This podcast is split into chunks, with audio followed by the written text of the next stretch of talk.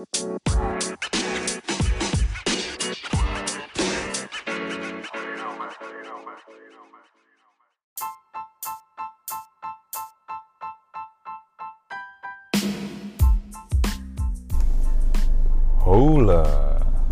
Hari ini gue bakal speak soal beberapa tips yang berhubungan dengan turun berat badan atau proses turun berat badan.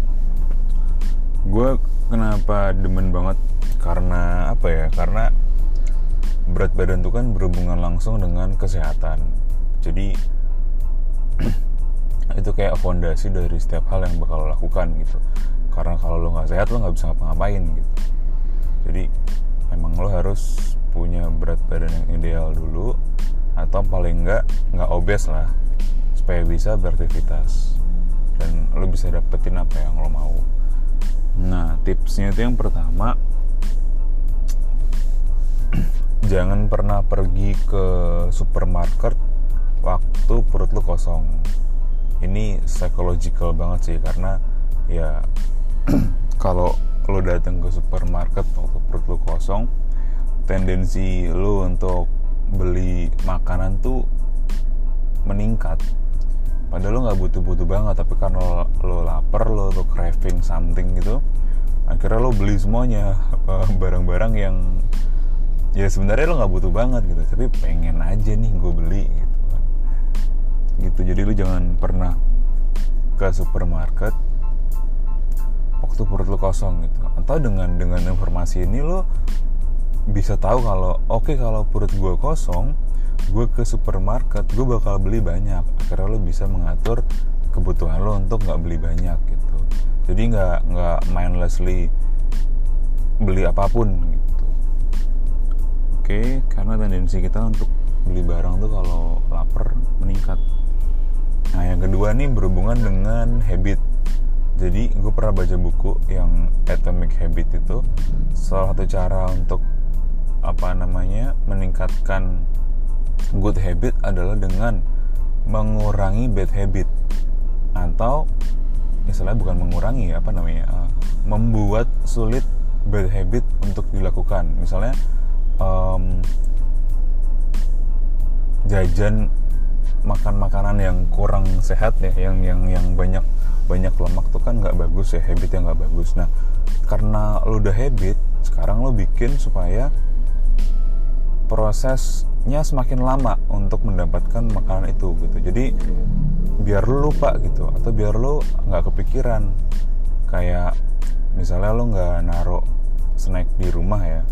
Kalau naruh snack tuh harus ke Indomaret misalnya. Itu kan butuh proses lama. Kadang orang jadi males gitu untuk untuk melakukan itu karena lama. Sedangkan kalau hal yang gampang di gampang diakses itu mendingan jadi good habit gitu. Jadi ganti buah itu di kulkas snack itu di Indomaret. Jadi lo bakal berpikir berkali-kali untuk Indomaret gitu karena males jauh misalnya. Kalau bad habit apa namanya good habit kayak makan buah makan snack-snack yang sehat itu lo taruh di kulkas biar gampang mengaksesnya gitu. Cara paling gampang ya gitu membuat kondisi yang repot untuk bad habit dilakukan. Gitu.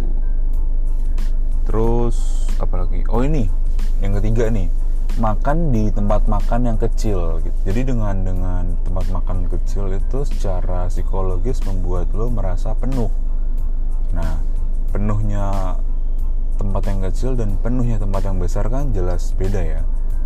Makanya lo cari tempat makan yang nggak perlu gede-gede banget, tapi yang pas, terus lo isi penuh, itu lo secara psikologis ngerasa kenyang, ngerasa full. Wah, ini banyak nih, gue makan gitu.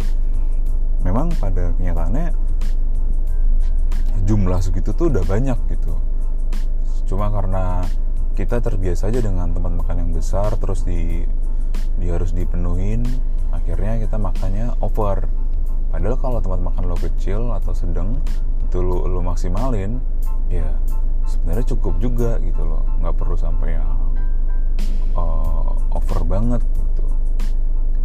Aslinya memang aslinya ya gue ngalamin sendiri kita tuh nggak perlu makan yang banyak banget gitu loh. Karena porsi porsi dikit aja udah kenyang gitu. Badan lo tuh udah udah tahu.